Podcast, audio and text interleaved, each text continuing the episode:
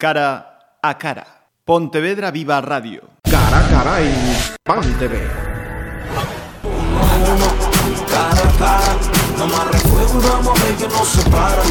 Hace unos días salió un anuncio eh, diciendo que iba a hacer un cara a cara de nuevo. Eh, porque hice uno en el 2013, puede ser. Madre mía, cómo pasa tiempo. Cara a cara, frente a frente otra vez.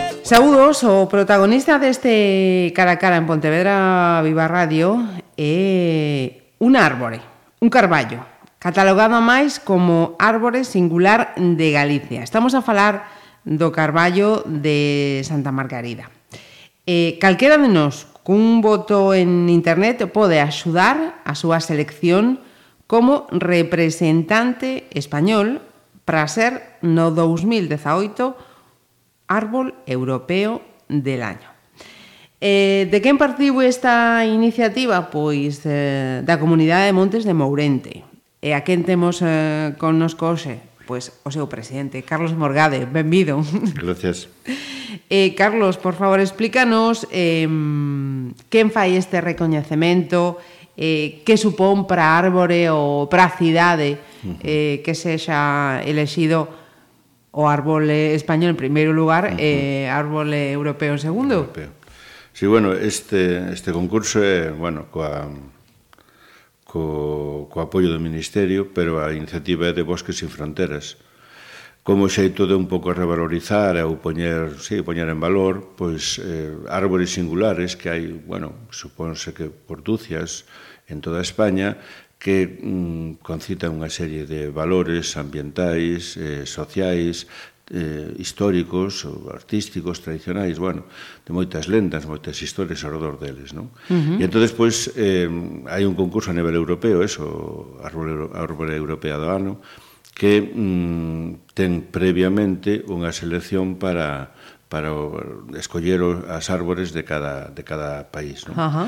E entonces, pois, bueno, pois eso, eles fixeron unha... xa levan un par de anos, por lo menos que aí saiba un par de anos facendo este concurso. Uh -huh. A verdade é que eu non sabía foi un, un amigo, un técnico forestal que nos, me comentou precisamente con este sentido. Non? E entonces, uh -huh. bueno, pois nos estudiámoslo, nos pareceu unha boa unha boa idea, dixo, bueno, pois seguramente habrá por aí moitos outras árbores, pero en Galicia, que, que tamén hai moitas árbores preciosas, preciosas e todas con unhas historias estupendas, uh -huh. pero nós pensamos que ningunha como esta, non? Por todo eso. Uh -huh.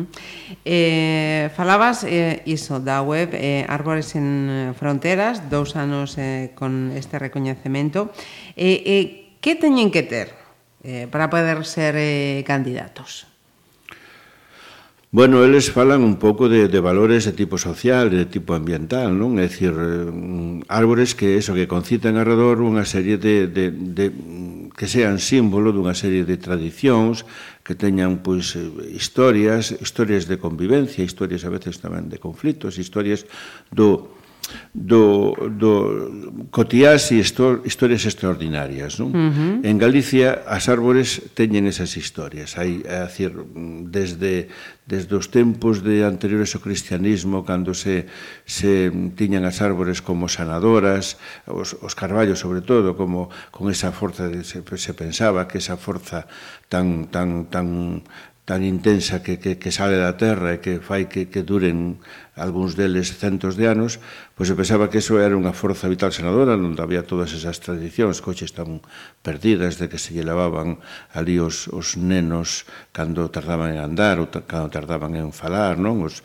uh -huh. as, todo este remedios o tarangaño, e, bueno, hai moitas historias e, E desde logo a asociación, como tamén pasa aquí, aínda que este un pouco desaparecida, a asociación de Carballos ou, ou Carballeiras con auga, que tamén a auga era forza senadora, a, decir, a auga limpa, a auga sanda, a auga eh, eh, cura, e ali había unha pira antigamente, hai moitos anos, e, e, o, o profesor García Lén o ten, o ten deixado ben, ben estudiado, unha pía, a pía dos gafos, que chamaban donde toda a xente, todos os enfermos, e especialmente os, os enfermos da pel, os que tiñan os leprosos, por eso chamaban os, os, o, o, a pía dos gafos, ou a árbore dos gafos, eh, iban a, a, a mollarse, non? Aque, uh -huh. aquela, aquela auga especial debaixo aquel carballo, Pois, eh, pois tuvera eh, esa, esa, ese, tiña ese poder e pudera pois vos pois sanalo, non curarlle a piel e tal. Hoxe eh, decimos un pouco en plan broma,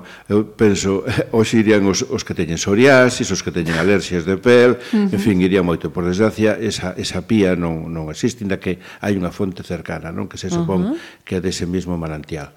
E, e, esa, e, e esas historias son bastante frecuentes, hai moitísimos eh, carballeiras e moitísimos... Eh, eh estou pensando das, ar, das armidas ou de o de, de tantas, tantos sitios onde teñen eh, o de San André Teixido, aquela uh -huh. fonte, que si tal, que si para os ollos, que si...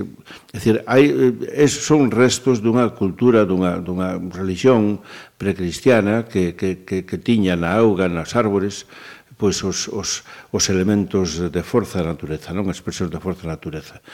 Eh, eh, hoxe xa, mm, eso, xa, por eso se cree que, que ali, no, onde está o xo Carballo, había unha carballeira, eso é o último vestixo dunha antiga carballeira que se supón que había naquela zona, e que despois que, bueno, pues, eh, a, a, a capela eh, é posterior, non? Porque uh -huh. porque a capela foi como en tantos outros sitios, como San Andrés de Teixido, como nas ermitas, como no Santo Cristo de Xende, como en tantos outros eh, santuarios por aí que hai por Galicia, foi ante a digamos, o fracaso da Igrexa en intentar que a xente deixe esas antigas eh, ritos e tradicións e tal, eh, eh, porque hai un, hai un dito popular moi curioso que di que Deus é bo, pero Demo non é malo. Non?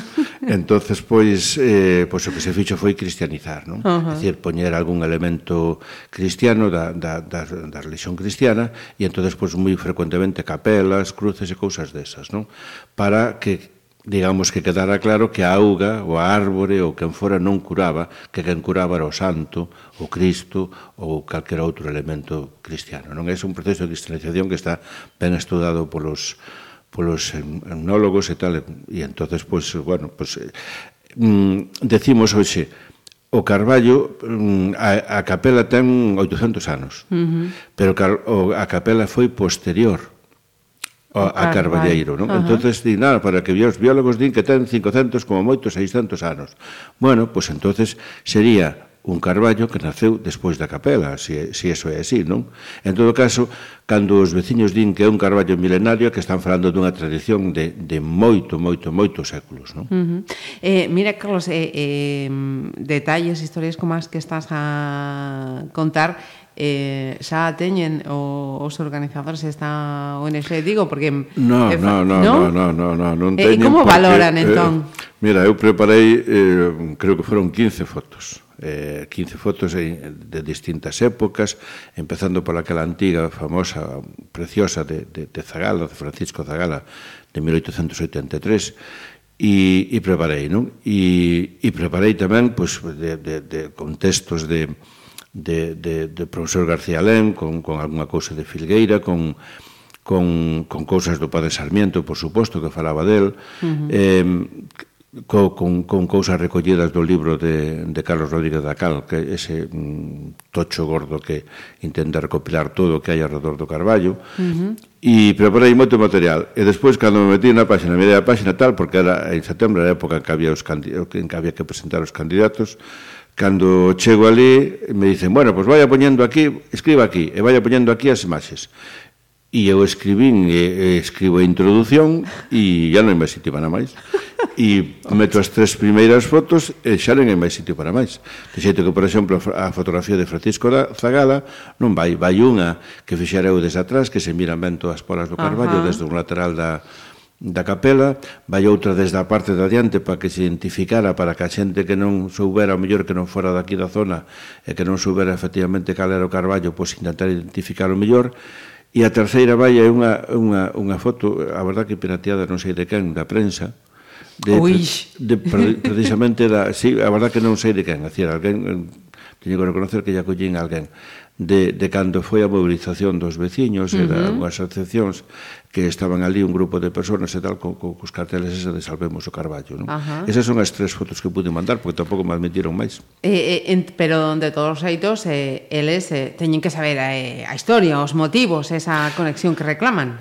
Sí, eu, eu a verdad que non sei se si a partir de aí eles investigaron, uh -huh. eles pediron as características, unha altura tal, non sei que, antigüedade eh, esta, eh, estimada, non sei que tal, eu non sei como foi o proceso, non? É dicir, non sei se si eles despois investigaron si, supoño que algún sistema de investigación tendrá para que Claro, se valore, os, os, porque precisamente os pro, claro. como eles, eles o que valoran é a historia claro. e a conexión coa cidade, entón... Sí, sí, sí, sí, sí. eu supoño que, saber... que eles investigarían, eu non sei o que fixeron uh -huh. exactamente. Ajá. Nin sei cantos... Eh, é posible que o mellor en algún sitio da páxina este eu non, non, non, non a mirei. Uh eh, -huh. Nin cantos se presentaron, nin cantos foron, non sei, sei porque en algún sitio pon ou, ou comprobei uh -huh. que de todos os dos, dos eh, oito seleccionados sí o Carballo de Santa Margarita é o máis antigo, non? Uh -huh. O máis antigo, eso de, de como mínimo 500 anos, os outros tamén son preciosos, todos teñen uns valores uh -huh. e, e aí se falan e tal, e seguro que tamén os outros teñen tamén moitas historias detrás que aí non aparecen, o que pasa uh -huh. que é tan pouco texto claro, que se eh, pode dar. Penso, que... quizá, eh, ti me eh, podes eh, correxir, eh, efectivamente hai eh, sete competidores máis de Asturias, Valencia, Badajoz, Sevilla, Jaén, eh, e Navarra.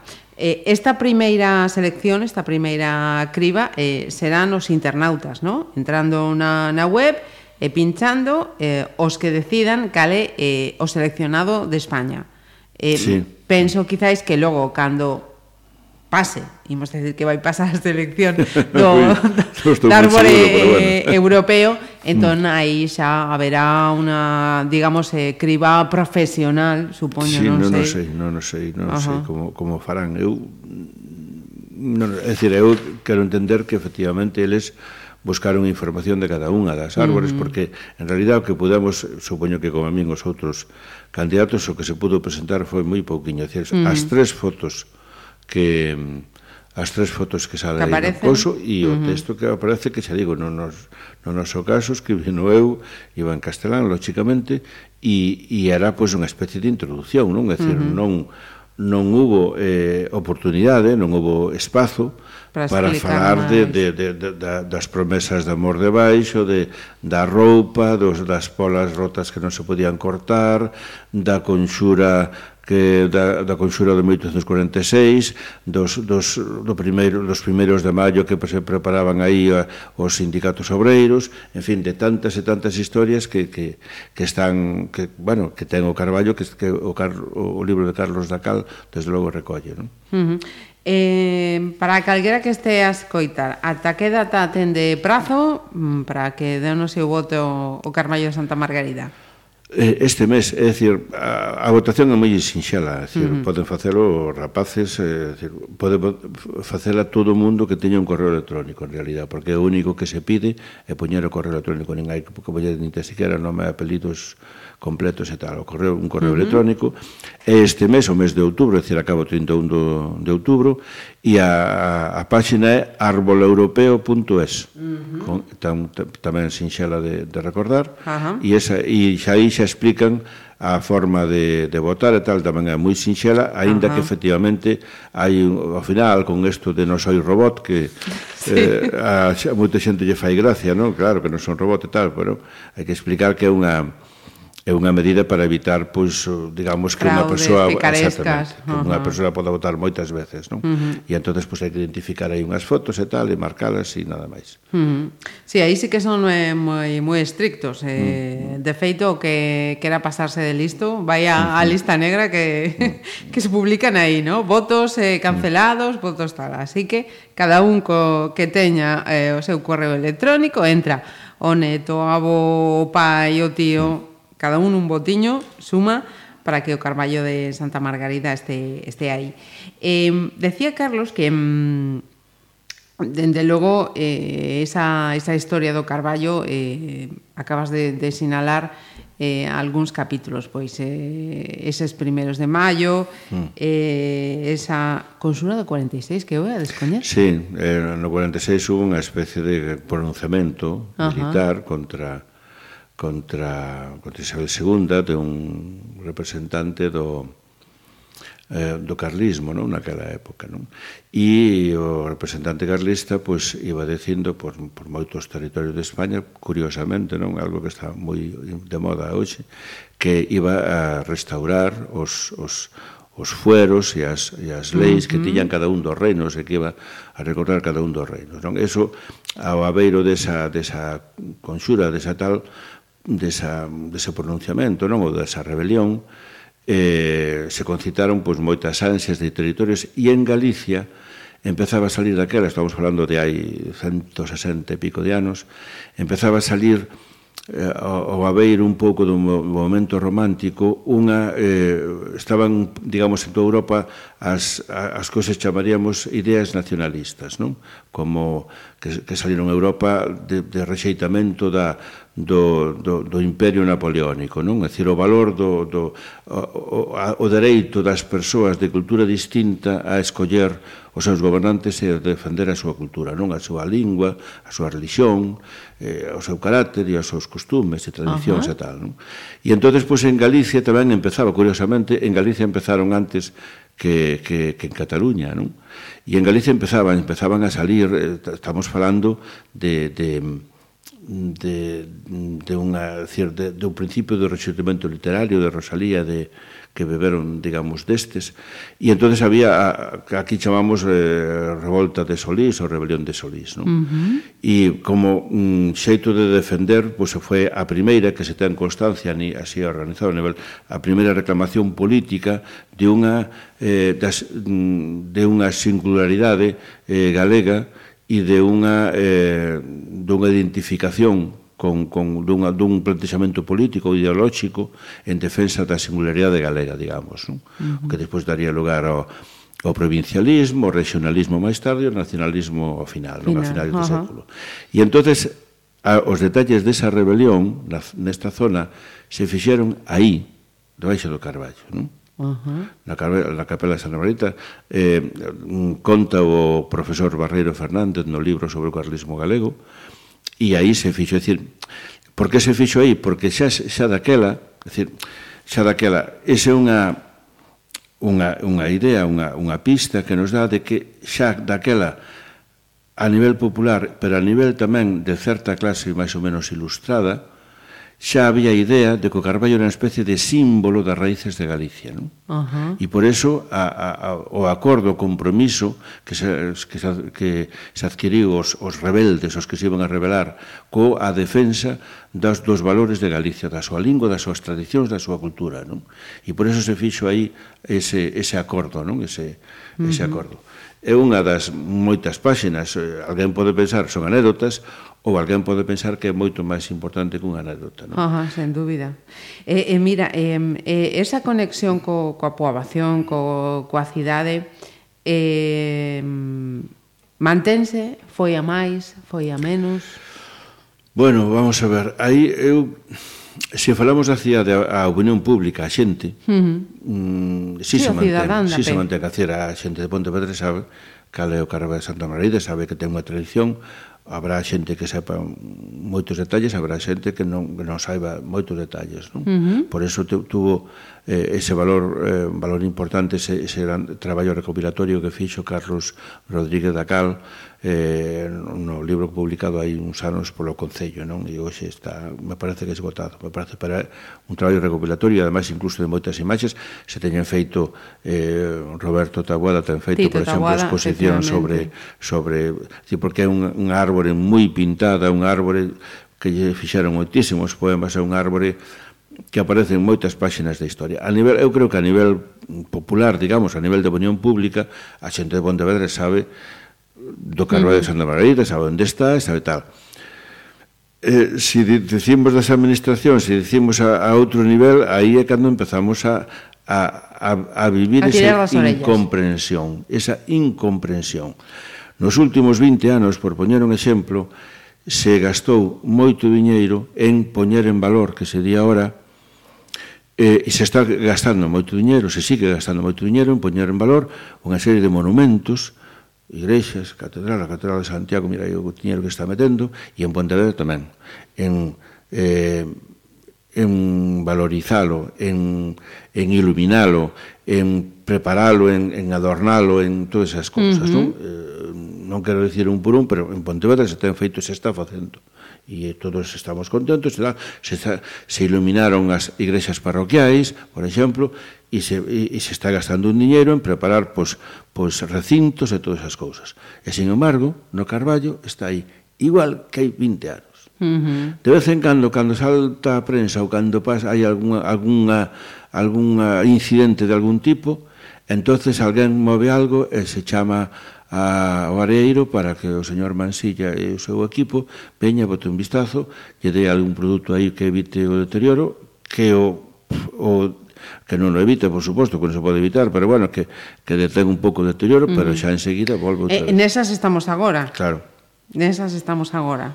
Pero quero decir que eu achaco. Uh -huh.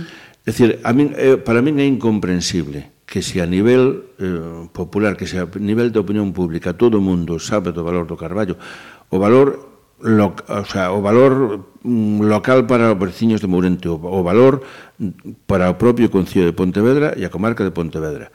E o valor para todos os galegos, porque mm, sabemos de outros, de outros carballos, de outros árbores por aí, eh, eh, algúns, outros non, pero moita xente de toda Galicia sabe do Carnaval de Santa Marina, porque o mirou en algún sitio, porque uh -huh. se, hubo, hai moitas referencias a él, porque Murguía xa falou del, porque Sarmiento xa falou del, por, en fin, por tantas cousas. E, e, sin embargo, eso non se traduza nunha, nunha actuación clara como se fai en outros, en outros casos das administracións. E a única explicación bastante pobre, ou a única justificación, ou que ás veces aducen as propias administracións é que, bueno, é que iso é cousa do bispado que o, o dono, o bispado di, no, bueno, nós non vamos a encargar dun carballo, nós encargaríamos da capela, iso que se encargue o medio ambiente, o que sea, ou tal. E medio ambiente dicir, no, no, nós non vamos a meternos con eso, porque todos teríamos que facer 20.000 por toda Galicia. E entonces, pois, pues, a ver, está o Concello de Pontevedra, pois pues, que actúa o Concello, ou a Diputación, ou quen queira, tal. Uh -huh. E, é dicir, é un un desapego. Botar a pelota non sei, que, que, claro, é dicir, pero vamos a ver, é que non, non saben do que estamos falando. Pero que hai que explicarlles a esa xente a importancia do Carballo. É que non, e, e claro, e eso, eso se nota porque ao marxen de, de, de deterioro de tal, a xente nos día, xente que pasa por Lice, pero vamos a ver como, nos día nós, a Comunidade de Montes, sí. como tedes o Carballo así? Uh -huh que está pasas por ali aquilo é un tobo oscuro que non está sin, sin siquiera sin iluminar, non uh -huh. se mira nada e non sei que e tal. E nós dicimos, pero que se, nos, a nos, decir, se fora noso, pois pues miraríamos o que se pode facer.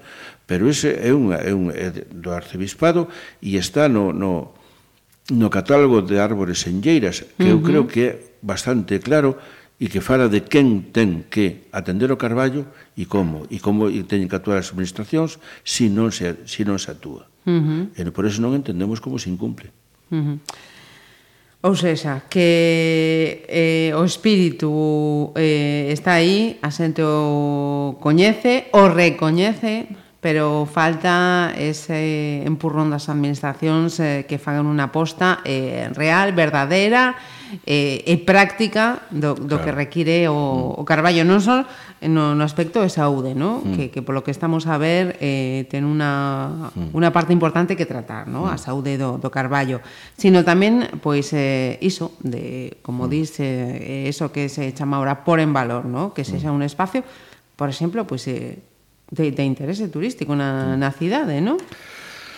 Vamos a ver, hai mm, Esa, claro, de interés turístico, por exemplo, é, decir, é que mm, mm, é, é o Carballo, é cortar o deterioro do Carballo, ou por lo menos que non sea tan acelerado como é, porque é certo uh -huh. que, como di Pedro Mansilla, que ten os seus anos e que está pois, achacoso, todas as cousas, pero tamén é innegable, porque se mira ali na, na, no banco, que nos últimos anos está pinzando hacia a carretera Uh -huh. E iso é a actuación do home, a actuación miope, neglixento do home, da, da reparación da, da, da, vía, da vía provincial que fixo a Diputación, a, o acondicionamento, que o único que lle fixo eh, moi ufano o presidente daquela foi poñerlle a acera de pedra en vez de, de losetas, non? Uh -huh. Decir, como se con eso, tal, e, e, e a, actuación negligente tamén de, de algunha xente, de alguna comisión de festas, que pensou que o mellor que se podía facer para facer mellor a festa é poñer todo un piso de asfalto alrededor uh -huh. e tal, e, decir, decir fa, fala de actuacións seguramente de boa fe todas, pero equivocadas. Uh -huh. E que están producindo ahora mismo o maior deterioro do Carballo. Uh -huh. E entonces nos decimos, si resulta que isto é un, un camiño así que está un pouco entre varias administracións e tal, e que non está tan moi claro e tal, que para non está moi no momento que está no, no, no, no, no catálogo, no catálogo de árboles senlleiras, aí di primeiro, e ademais o di claramente, primeiro que o encargado dun árbore senlleira de cuidalo e atendelo é o propietario do terreno. Uh -huh. E segundo, se non o fixera, a, a Consellería de Medio Ambiente ten que combinalo a facelo e que tamén, pois, para casos en que o mellor o propietario non pode ou que sea ou tal, que a Consellería de Medio Ambiente pode arbitrar axudas para facelo. Para... É dicir, a Consellería de Medio Ambiente, a Xunta de Galicia é a que ten que decirlle o arcebispado claro. atende o seu Carballo e se, usted, e, e, e se entende que, que, bueno, que ao mellor o arcebispado di, bueno, pois mire, eu teño moitas outras cousas que mirar tal, bueno, pois que sea hmm. a propia mm. actuación da Xunta da de Galicia a que actúe nese caso. Que ademais, oh. na Xunta de Galicia ten, neste caso, técnicos que poden facer un diagnóstico do estado do Carballo e pode mm, dirimir e con patrimonio, con todas esas cousas e tal. E entonces eso se pode facer. Como en vista de que están metendo a pelota uns a outros, ahora mismo o único que están actuando son o Concello e a Deputación. Sí, coa estación fitopatolóxica, certo. Xusto, uh -huh. e os une, e, e, e, e, e eh, é unha cousa curiosa, os que están actuando son os que teñen menos competencia, menos responsabilidade. Uh -huh. Pero, pero, por exemplo, o arcebispado, por lo que eu sei, o arcebispado e a xunta, Deron o que... Deixan, claro, uh -huh. o sea, Home, pois pues moitas gracias, ahora fastidiaría que ainda por riba ustedes escucharan algunha pega a que se faga algunha actuación uh -huh. para mellorar o Carballo, pero son ustedes os que dan mm. ok, son ustedes os que teñen que actuar, porque o Concello di ahora que sí que axuda e mañá pode decir non é a miña competencia con toda a razón, e a Diputación o mismo. Mm -hmm. E entonces, pues, bueno, por eso nos propoñemos ao patronato e dicir, mire, non sei, nos parece que polo menos sea como sea ese patronato, eh, funcione como funcione, pois pues digo eu que se reunirá unha vez ao ano, uh -huh. e farán un diagnóstico do carballo. Previamente esa reunión, pois algunha das administracións mandará aos técnicos que diga, mira, fai un informe, vai ali e fai un informe de como está.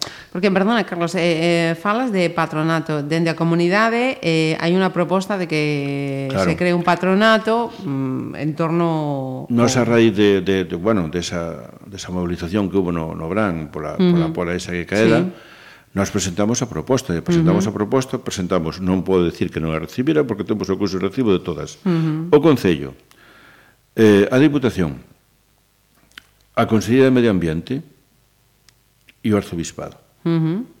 E nós propoñemos un patronato, un patroado, con esas catro administracións e con un, con un representante dos veciños de Mourente ou da Comunidade de Montes. De Montes por aquilo uh -huh. de que estamos sendo eh, os veciños dali da zona de Santa Margarida e a Comunidade de Montes os que nos estamos preocupando máis polo Carballo, que estamos eh, movendo a cousa, que estamos alertando do, do que está pasando e todo, e, e todo eso, non? E entonces, bueno, pois pues, é un xeito de que, de que se xa, decir, porque moitas veces os, os patronados, uh -huh. hai patronados que non funcionan, uh -huh. que non se reúnen ni unha vez ao ano, sí. que non sei que non se canta. Sí, algo Entonces, teórico e queda aí tamén, no limbo. Pues, eh, digamos, queremos estar aí nese sentido, non uh -huh. para nada máis, senón para que lo que funcione. E que unha vez ao ano se reúna, que diga, oiga, como está isto e tal. E eu digo que ao mellor abeiro dese padroado, e xa te, eso son ao mellor tamén competencias municipales, digo, aquel sitio, aquel sitio é rezuma historia polos catro costados. Eso sí, non sei se hai xente que o sabe, por suposto, pero hai xente que non o sabe. Baixando hacia, hacia a vila de Pontevedra, a cidade de Pontevedra. Despois do Carballo, coa capela, tamén coa, coa capela, que, en fin, con a antiga capela románica, do coche solamente se conservan algunhas pezas e tal. Uh -huh. Un pouco máis abaixo está o, o, o pazo onde pasou a súa infancia o padre Sarmiento, non? Uh -huh. Donde pasou o seu último inverno, eh, Amado Carballo, cando estaba o pobre home xa na, nas últimas, uh -huh. eh, antes de morrer. O Pazo de García de la Riega, non? Uh -huh. O que, digamos, o inventor ou o, o promulgador da, da teoría do colón galego. Uh -huh. Outros 20 metros máis abaixo, a man esquerda, está o pazo de Xosé Vilas, un, eh, un, un, un impresor, o impresor da Gaita Galega, o primeiro libro do Xeramento Galego impreso en Pontevedra, uh -huh. e, eh, e alcalde de Pontevedra. E tamén é o Pazo de Portela Valladares. Uh -huh. Eh, presidente do Goberno da República, ah. o último presidente do Goberno da República no 36, é dicir, uh -huh. E son dous pazos, dous paciños, algúns eh, uns en, en mellor ou peor, é dicir, aí hai historia pura. Iso é uh -huh. unha parte importante da historia de Pontevedra, da historia de Galicia, da historia de España incluso. Entonces, non se pode poñer eso no, no, decir, en valor, sí, claro, decir, repetirlo.